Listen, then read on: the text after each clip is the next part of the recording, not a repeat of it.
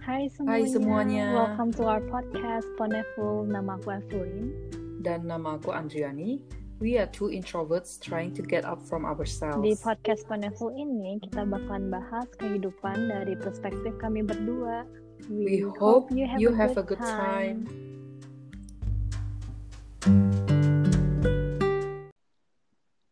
Halo Andri. Halo. Halo Evelyn. semuanya.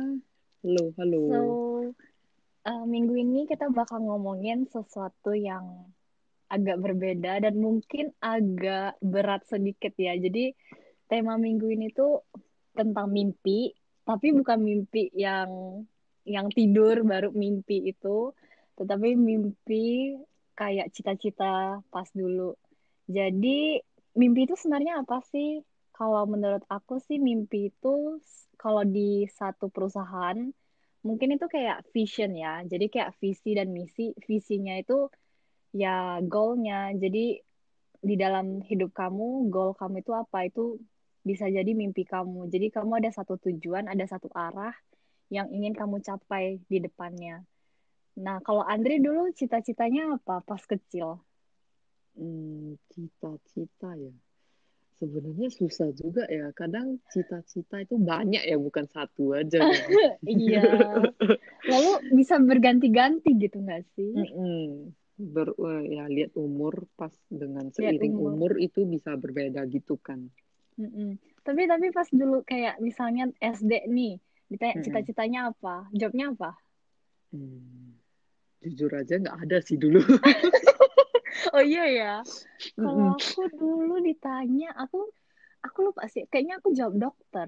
Tahu lah kalau Hmm. biasa pas kecil pasti kayak kayak oh aku mau jadi dokter, Mm-mm. aku mau jadi em, apa sih?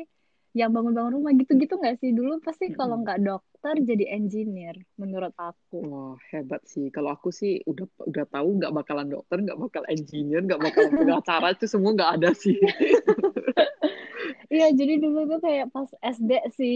Habis itu kayak makin lama, Hmm. makin berubah, makin kayak ke mana-mana lah, menyimpang Mm. gitu. Kalau, Tapi ya, Mm-mm. menurut aku kayak cita-cita kalau dari kecil itu ngomongnya eh, job ya. Tapi sekarang kalau aku dinanya cita-citaku beda sih. kayak mimpinya apa gitu, kayak mau jadi Mm-mm. apa gitu. Iya. Hmm. Kalau dulu pernah pinginnya jadi apa? Kayak mimpinya pinginnya jadi apa aja? Mm-mm. Kalau dulu pas SMP, SMA itu interest aku itu di interior design or Ah, psychology sih. oh, Mm-mm. baru kayak, tapi nggak pernah benar-benar pursue ke situ gitu ya? Iya, karena kayak udah misalnya kita ngomong ya misalnya, terus dibilang, aduh, kamu aja nggak pernah gambar, gimana bisa jadi interior designer? Aduh, Terus kata-kata itu kayak agak iya sih, agak nyakitin gitu nggak sih? Iya, makanya. Hmm. Jadi terus kalau waktu aku bilang aku mau belajar psychology, terus dibilang, dulu aku itu orangnya susah tulis essay kan, apalagi di bahasa Inggris gitu kan. Terus Oh, dibilang, "Eh, kamu nggak bisa tulis essay. Kalau psychology itu bakal banyak research paper gitu, tulis-tulis essay gitu, terus pupus oh, lagi. Sedih iya ya. sih, bener sih. Tapi itu bener banget, sering banget gak sih kita kayak di dikasih tahu realitinya, habis itu kita mikir lagi kayak, oh iya juga ya, kayaknya susah gitu. Mm-mm. Tapi menurut aku dari pengalaman, terus kan kalau misalnya kita nanya yang lebih tua, lebih maksudnya yang lebih udah ada experience, terus Mm-mm. mereka katanya gini, oh iya kalau kamu, maksudnya psychology kalau di Indo emangnya eh, mau kerjaan Hmm, apa jadinya gitu kan kebanyakan. ngerti-ngerti. Jadi juga kayak gini, kalau dulu jadinya kayak mikir iya juga sih, iya ya. Jadi kayak apa insecure dan ya nggak ada confidence sama sekali ya. Iya, itu bener sih. Sebenarnya kayak ya gimana lagi ya kalau di Indo itu kan masih negara berkembang juga. Jadi mungkin nggak semua subjek itu diangkat kayak equal gitu. Jadi misalnya ada beberapa bagian lebih dipandang sebelah mata kayak misalnya psikologi. Kalau di luar negeri kan misalnya di Amerika gitu itu kan sesuatu job yang sangat menjanjikan sebenarnya dibanding kalau di Indo sih menurut aku. Jadi ya itulah realita yang harus kita harus kita uh, accept, I Mm-mm. think. Tapi Baru, ya, mm-mm. mhm. Eh, jadi kalau Evelyn dulu mau apa? Oh dokter ya tadi ya. Itu pas SD karena kan Mm-mm. bener-bener nggak ngerti kan sering banget gak sih kalau aku dulu nggak tahu kenapa di kelas sering banget SD 1 SD 2 itu ya biasa lah kayak cita-cita kalian apa habis itu ya jawab aja yang kita tahu kita kan dulu Mm-mm. mana tahu tentang psikologi Mm-mm. ternyata kayak aku kayak baru tahu di dunia ini banyak banget job sebenarnya dan kayak Mm-mm. there's always a place for everyone jadi ya True. harus em, nyari aja sih job yang benar-benar cocok sama kita Mm-mm. Kemudian ya kalau aku pas SMA dulu, aku tuh inget banget, aku tuh ada tiga tiga cita-cita yang aku Mm-mm. pingin dapet kayak Mm-mm. kalau nggak nomor satu nomor dua, kalau nggak nomor dua nomor tiga. Mm-mm. Nah lucunya itu kayak eh, pas SMA aku itu kan eh, kayak volunteer di satu organisasi. Iya. Nah organisasi ini tuh sering banget ngadain acara gitu-gitu. Jadi aku tuh interest banget sama eh, bikin acara kayak event organizer IO kan. Mm-mm. Jadi itu kayak uh, number one goal aku dulu, cita-citaku itu pengen jadi IO. Mm-mm. Hmm. Soalnya kayak aku suka banget uh, plan, misalnya plan wedding. Nah, habis itu kan harus mikirin kayak nanti lightingnya gimana ya, dia harus pakai baju apa ya, jam segini Mm-mm. dia ngapain ya, gitu. Jadi Iya. kayak planning gitu bener-bener aku suka sih kayak Mm-mm. excited banget. It- jadinya aku berasa oh mungkin aku mau ambil IO tapi ya gimana pun kayak orang tua juga bilang ah ngapain ambil IO soalnya IO juga eh, bayarannya nggak banyak kemudian juga jobnya nggak tetap karena harus nunggu klien kan Mm-mm. jadi ya susah aja sih habis Mm-mm. itu kayak second kayaknya cita-cita aku dulu tuh aku mau jadi interior design Mm-mm. jadi sama kayak Andri kali ya Iya. Ta- tapi ya memang nggak pernah benar-benar ke arah sana karena aku cuman kayak suka aja lihat kan tapi nggak pernah benar-benar research baru Mm. yang ketiga ini aku pengen jadi ibu rumah tangga Wah, kayak kayak ini lucu banget unexpected banget. unexpected banget kan Mm-mm. cuman aku tuh selalu kalau pas dulu sih aku tuh selalu berasa ibu rumah tangga itu kayak satu full time job karena kan mamaku Mm-mm. juga ibu rumah tangga aja kan Mm-mm. dan aku berasa memang susah aja jadi dia dia harus masak harus apa dan itu bener-bener habisin satu hari udah jadi ya dulu nggak tahu kenapa berasa pingin aja jadi ibu rumah tangga aja gitu Hmm. Hmm. Hebat sih ya. Ibu rumah tangga ya bukan gampang juga ya. Hmm. Hal yang mulia loh itu full time job yang nggak dibayar. ah bener banget bener banget ya biasa kan kita kayak selalu downgrade ibu rumah Mm. tangga nggak sih Mm-mm, kalau kita iya. dengar kayak hah cuma jadi ibu rumah tangga Mm-mm. pasti ada satu judgement gitu padahal Iya. sebenarnya susah banget jadi ibu rumah Iya. tangga aja itu Betul, betul. Nggak Mm-mm. semua orang bisa juga gitu. ah betul betul betul Iya. kemudian kalau sekarang Andre cita-citanya apa Hmm, jujur aja aku juga lagi lebih ke masih kayak aku realize kayak kita sebenarnya eh, ada yang kita sukai tapi kadang kita like we don't know it yet gitu ya. Misalnya kayak interior design. Aku kayak eh, setelah tamat kuliah aku eh, ada mikir sih kayak dulu kayak udah kelihatan banget gitu kalau aku di rumah gitu aku suka susun-susunin barang terus kayak eh, change positions gitu ya like every Hmm. month aku suka change the position gitu jadi kayak udah kelihatan kan Hmm. sebenarnya kan cuman ya kayak nggak oh, nggak ada orang yang see the potential in me dan Hmm. orang malahan pupusin aku ah kamu nggak bisa gambar mana mungkin Hmm. ngapain kamu pursue that career gitu kan jadi kayak Hmm. terus psychology aku juga seneng baca-baca tentang psychology kayak aku makin lama makin realize what I'm good at and how I can help people with those skills juga gitu. Tapi Ah. ya maksudnya jadi ke sebenarnya kan jadi kita anak hospit ya. Saya ya Hmm. melenceng tapi not really melenceng ya karena people need people berhubungan skill juga people kan. bener Mm-mm. Heeh. And then hotel juga bisa interior kan, hotel. Interior ah iya hotel iya jadinya gitu. Jadi ya sekarang kalau aku cita-citanya mau like hmm, karena maksudnya kita juga aku juga udah umur 24. Sebenarnya kalau masih mau lanjutin kuliah, sebenarnya belum terlambat lah ya. Orang ada yang 30-an juga masih pursue ya di uni gitu ya. Benar. Mm-mm. Mm. Tapi ya Nah, kamu maksudnya udah 24. Oh, tahun ini. udah dong, iya. Teh. Mm-mm. Makanya aku kayak, hah, masa sih? Aku kayak baru dua-dua deh. Oh, tapi aku ingat lagi, oh ya tahun ini aku 23 ya. Gila, udah tua. Sedih. Iya, Hmm. makanya jadi like eh, se- untuk sekarang kayak lebih mau enjoy and try new things sebisa mungkin sih. Hmm, betul. Hmm. Jadi kayak explore aja gitu ya. Mm-mm, iya, Lihat yang mana works Mm-mm, maybe. Hmm, iya. tapi menurut Andri kayak penting gak sih punya mimpi itu? Eh, sebenarnya kalau bisa ada, pen, bagus ya. Kan kayak tadi Evelyn bilang kayak misalnya di perusahaan kayak like Hmm, vision ya yang that guides you to go there, to go to the betul, destination that you want to reach ya. Tapi betul. kalau itu, jadi kalau misalnya kita ada goal, ya kita tahu misalnya aku mau jadi interior designer. Jadi ya oke, aku mau jadi itu, how I can go there. Berarti aku harus Hmm, belajar, right, apalah yang untuk bisa jadi interior designer. Kalau misalnya mm-mm. aku nggak ada goal, like aku nggak tahu mau jadi apa, jadi kita mau buat apa dong? Nggak tahu kan? Iya, Mm-mm, jadi, ya itulah mm-mm. jadi nggak ada tuju, jadi nggak ada tujuan, nggak ada arah, Mm-mm, bingung Iya, aja. nggak ada arah Hmm. sih. Ya. Tapi sebenarnya ya eh, kalau misalnya nggak ada goal, like not everyone bisa ada ya. Karena aku juga ada Mm-mm. like one eh, period of time juga lost gitu kan. Jadi itu juga nggak harus rendah hati atau apalah ya. Eh bukan apa kecil diri ya. Maksudnya jadi nggak confidence Ah, gitu. Eh, iya. jadi ya maksudnya try new things sih yang kayak aku bilang tadi. Mm-mm. Kalau Evelyn setuju nggak?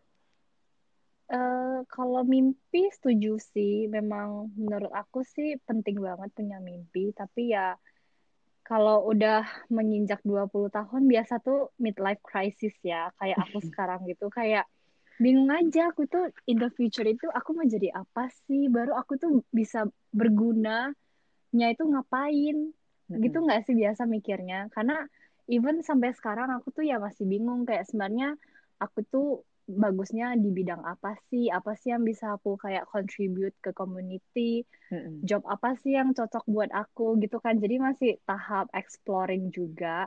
Mm-mm. Jadi em, susah aja sih kalau kita ngomongin mimpi. Eh, kalau ditanya sekarang kayak sekarang Evelyn mimpinya apa, mau jadi apa?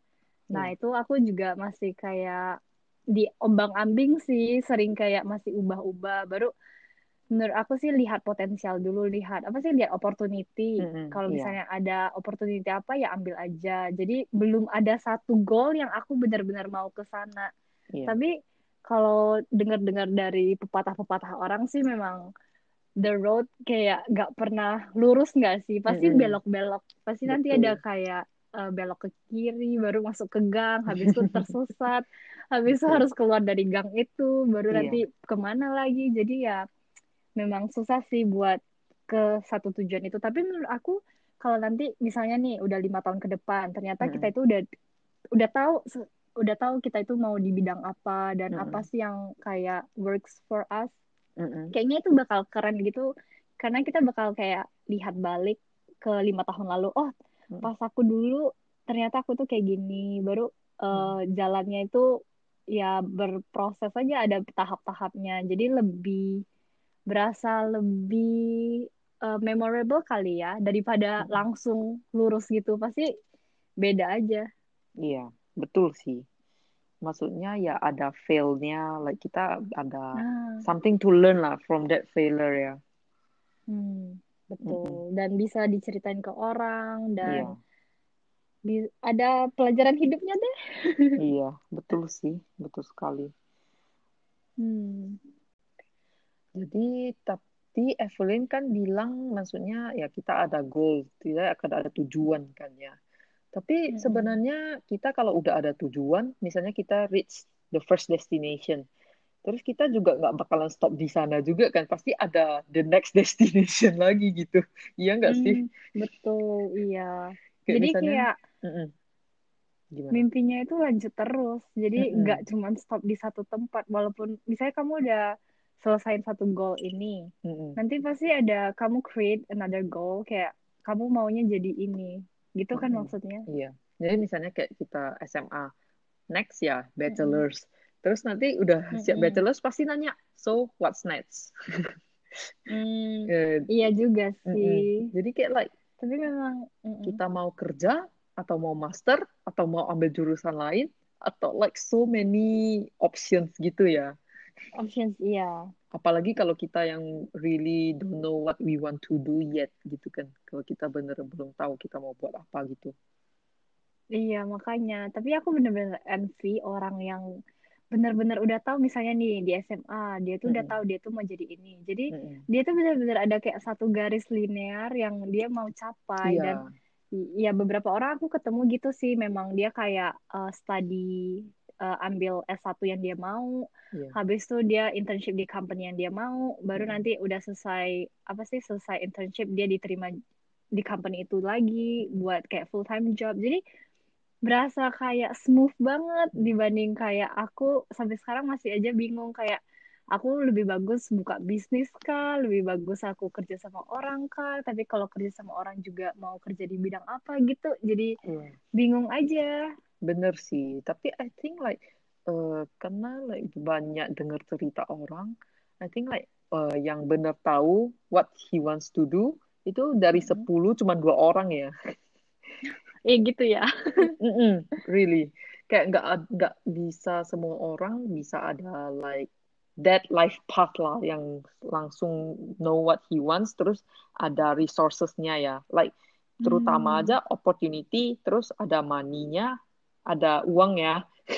Misalnya kalau mau kuliah gitu. Terus misalnya kalau ngomongin uang juga misalnya kalau kita mau misalnya kalau misalnya ada seseorang mau belajar jadi itu apa pramugari atau pilot kan mahal ya Oh iya. sekolah pilot gitu terutama ya Iya. kan perlu dana yang modal yang besar gitu jadi Mm-mm. juga kadang orang mungkin ada potensialnya dia ada bakatnya di sana tapi dalam hal keuangan dia belum bisa gitu ya nggak sih Iya, jadi kadang tuh orang biasanya beberapa orang misalnya benar-benar pingin ambil eh, misalnya pingin kejar mimpi itu Mm-mm. kadang mereka bisa kerja dulu bagian bidang lain baru kayak Mm-mm. misalnya udah save up tabungannya udah banyak baru dia eh, pergi sekolah gitu nggak sih? Makanya banyak yang kayak 30 tahun juga masih kuliah gitu kan?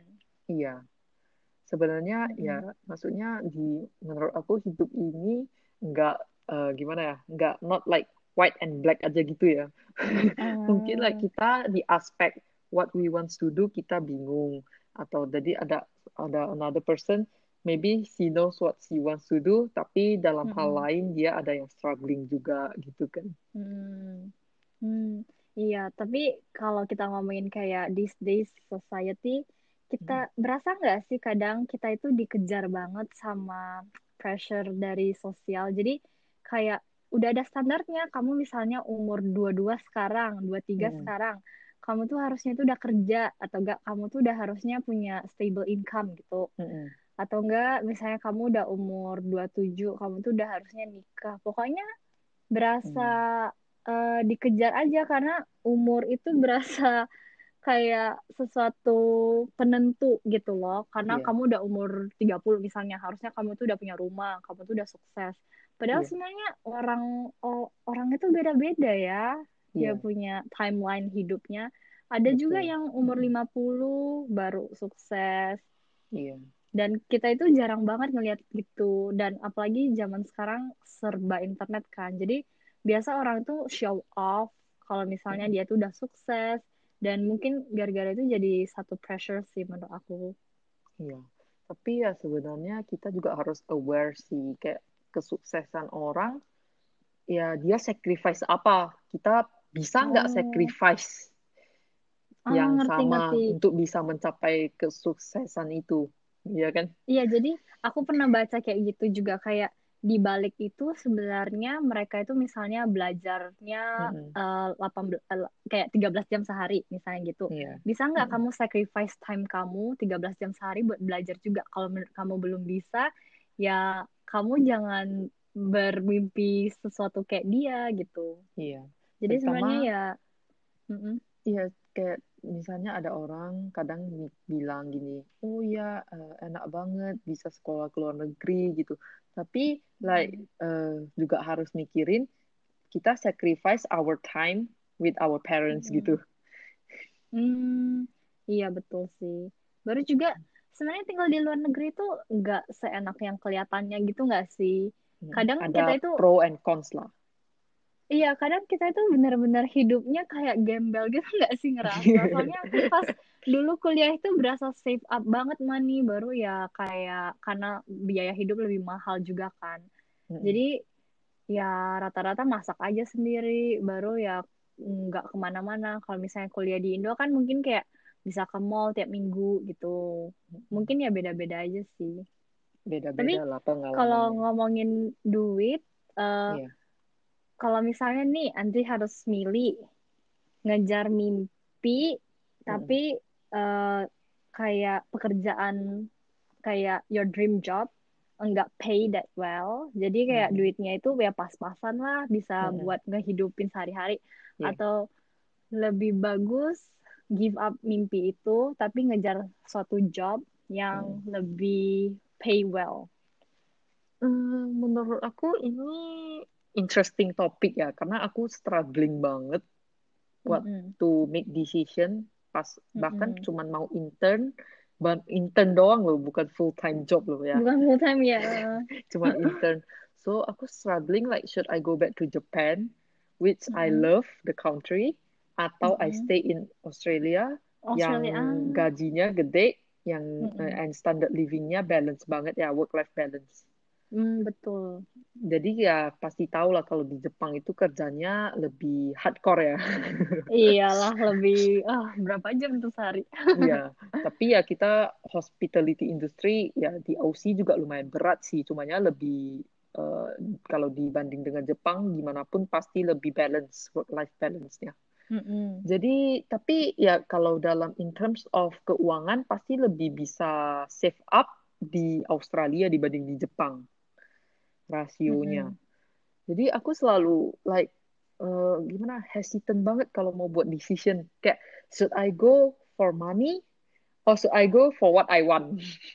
Ah iya. Jadi itu kayak kalau udah menyangkut uang itu kayak pusing Berat tujuh keliling gitu. ya. Betul betul. Langsung kayak harus mikirin eh ini bisa nggak sih hidupin aku? Ini bisa nggak sih Iya. buat aku nabung? Kayak ini Mm-mm. ke depannya gimana dong aku kalau misalnya nggak ada tabungan? Gitu nggak Mm-mm. sih?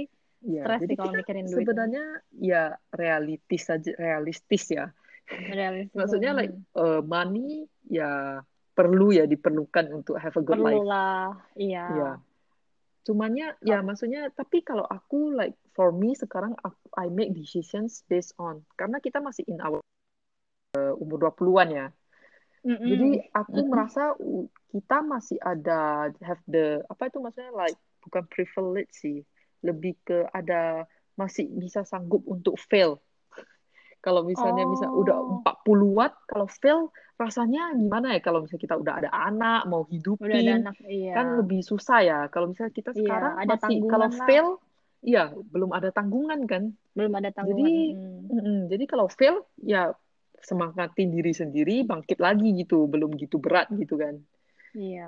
Jadi menurut aku ya go for what we want dulu sih. Cuman ya, ya jangan impulsif ya. Ya harus mikir juga beneran eh, ya bisa menghidupi kita gak gitu. Mm-mm-mm. At Tapi least bisa nutupin aja lah ya kayak kalau nggak ada lebih buat nabung ya nggak apa-apa dulu. Tapi at least bisa kayak tutupin biaya hidup sehari-hari aja dulu karena Iya, kalau iya. nggak ada duit itu nanti tinggal di mana? Tinggal di bawah Iya, jembatan, makannya betul. makan Indomie tiap hari. Betul. Hmm. Sebenarnya ini ini benar-benar kayak interesting topik sih karena aku juga personally ya sering banget struggling kan kayak Mm-mm. antara ngejar duit atau ngejar mimpi dan Mm-mm. aku merasa ini pasti kayak seluruh yang on their 20s apalagi yang baru selesai graduate pasti pasti pasti punya struggle yang sama, punya dilema yang sama Iya. karena gimana pun secara fresh graduate biasanya sih pasti low pay dan Mm-mm. kita berasa aja ngapain aku kuliah tinggi-tinggi jauh-jauh tapi dibayarnya misalnya di Indo cuma UMK 4 juta kayak itu bisa tutupin apa sih kalau misalnya kamu di Jakarta dibayar 4 juta bayar kos aja kayaknya bisa 3 juta itu pun udah murah banget kadang bisa 4 jutaan jadi ya Iya. Berasa berat aja ya di sananya baru ya teman-teman aku juga antara duit atau mimpi selalu gitu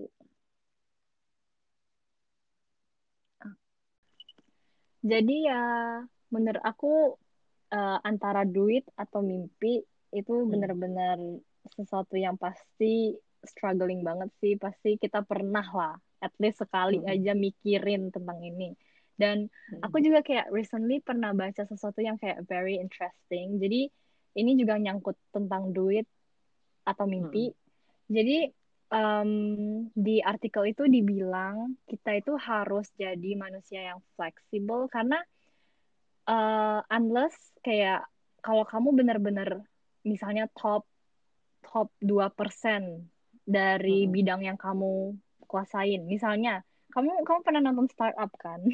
Misalnya Mm-mm. kamu itu kayak si Nam Dosan. Nam Dosan kan benar-benar Mm-mm. pinter banget kan di IT dan dia memang kayak Iya. maybe like top 10% genius in the world di bidang IT.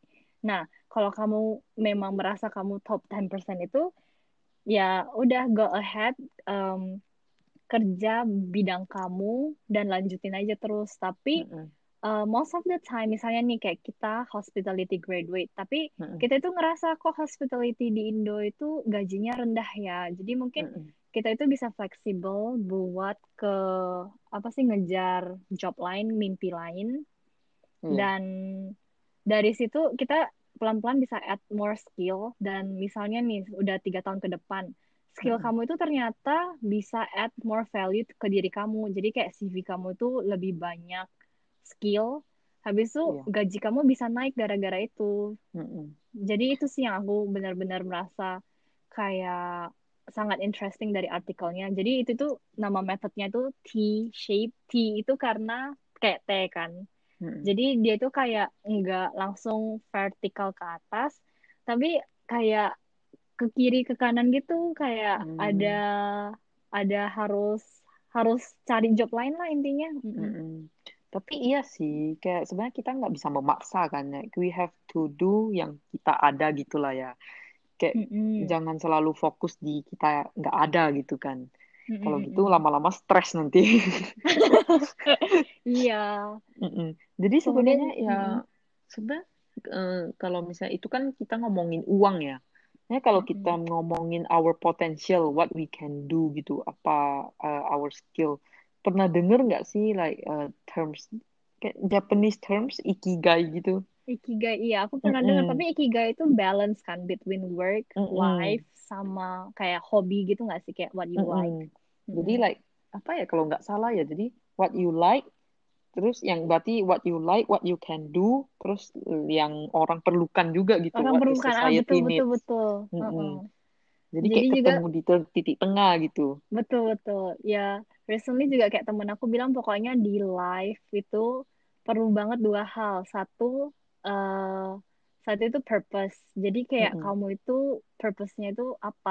Jadi ya kalau misalnya kamu punya purpose pasti kamu lebih semangat kan ngerjainnya oh Mm-mm. aku aku bikin mm, misalnya aku bikin research ini ini tuh ternyata berguna buat kayak orang-orang kanker di dunia gitu Mm-mm. jadi ada satu purpose-nya in life dan satunya lagi tuh pleasure jadi Mm-mm. eh, selama kamu kerjain barang itu kamu juga harus enjoy jadi antara purpose dan pleasure ini harus Mm-mm. seimbang kalau misalnya terlalu banyak purpose nanti jadinya burn out. Tapi kalau kebanyakan pleasure, kamu jadinya nggak ada purpose, jadinya kamu empty di dalam. Berasa kayak, aku ngapain sih kerja ini, nggak ada intinya. Jadi benar-benar harus balance si purpose and pleasure. Hmm, Iya sih. Tapi bagaimana ya untuk bisa mencapai balance itu? Hmm, harus, ya susah sih, harus latihan lah ya menurutku. Kita rasanya ngomong mau balance, tapi kita berdua juga masih Iya, kita aja belum balance. iya masih iya masih mencari lah proses semua Eh, proses. uh-uh. Mm-mm. Jadi ya menurutku um, sering banget di usia kita sekarang ini kita itu masih terombang-ambing ya, masih belum tahu mimpinya itu apa. Dan berasa aja lost di hidup ini kita nggak tahu tujuan kita mau ke mana. Tapi intinya uh, yang mau kami sampaikan dalam podcast kali ini tuh kalau misalnya kita saat ini belum punya satu tujuan, belum punya mimpi seperti aku atau mungkin juga seperti Andri masih terombang-ambing, menurut kami itu keep exploring lah ya Andri. Iya, karena ya money dilema ya. Money dilema juga. uh -uh. Jadi ya in other words menurut aku ya nanya diri sendiri sih what sort of work do you want to do terus ya jangan kalau jangan mikirin uang dulu hmm, kamu bakal buat apa gitu karena menurut aku pernah pernah denger kan kalau misalnya when you do what you want the money will come gitu ah ya yeah, ya yeah, benar when you do something you like gitu kan mm, nanti money will follow like. mm -hmm, ya yeah. jadi dulu aku like uh, lumayan nggak get it what that sayings means ya. Terus tapi hmm. sekarang aku udah mulai mengerti dikit-dikit sih. Kayak bener banget kalau misalnya kamu dapat money tapi kamu nggak enjoy your work, memang yang kalau uh, work yang kamu suka juga nggak bisa enjoy 100 tiap saat ya. Pasti ada saat-saatnya yeah. yang pasti capek juga. Cumanya kalau dari awal memang worknya yang kamu nggak enjoy, itu dapat uangnya juga kayak nggak berarti gitu ya. Betul betul betul. Aku ngerasa banget sih. Jadi, Jadi mungkin ya, menurut aku sih exploring. like keep exploring and then like you start with what you like and then move forward from there. Menurutku kalau dari keep exploring itu gimana ya misalnya kamu sekarang punya tiga hal di otak kamu oh aku pingin jadi uh, desain interior aku pingin jadi komik komikus aku mm-hmm. pingin jadi dokter dan kalau kamu kayak pelan-pelan lihat kayak pursue tiga itu menurutku kayak try aja. Habis itu maksudnya ya try-nya itu dalam bidang kayak do more research misalnya atau gak kayak um, lebih latihan dalam bidang itu. Baru menurutku kalau kamu dengan try nanti kamu tuh bisa lihat yang mana sebenarnya works best for you. Dan di situ mm -hmm. kamu bisa milih sebenarnya oh ternyata aku itu lebih bagusnya di jalur ini loh.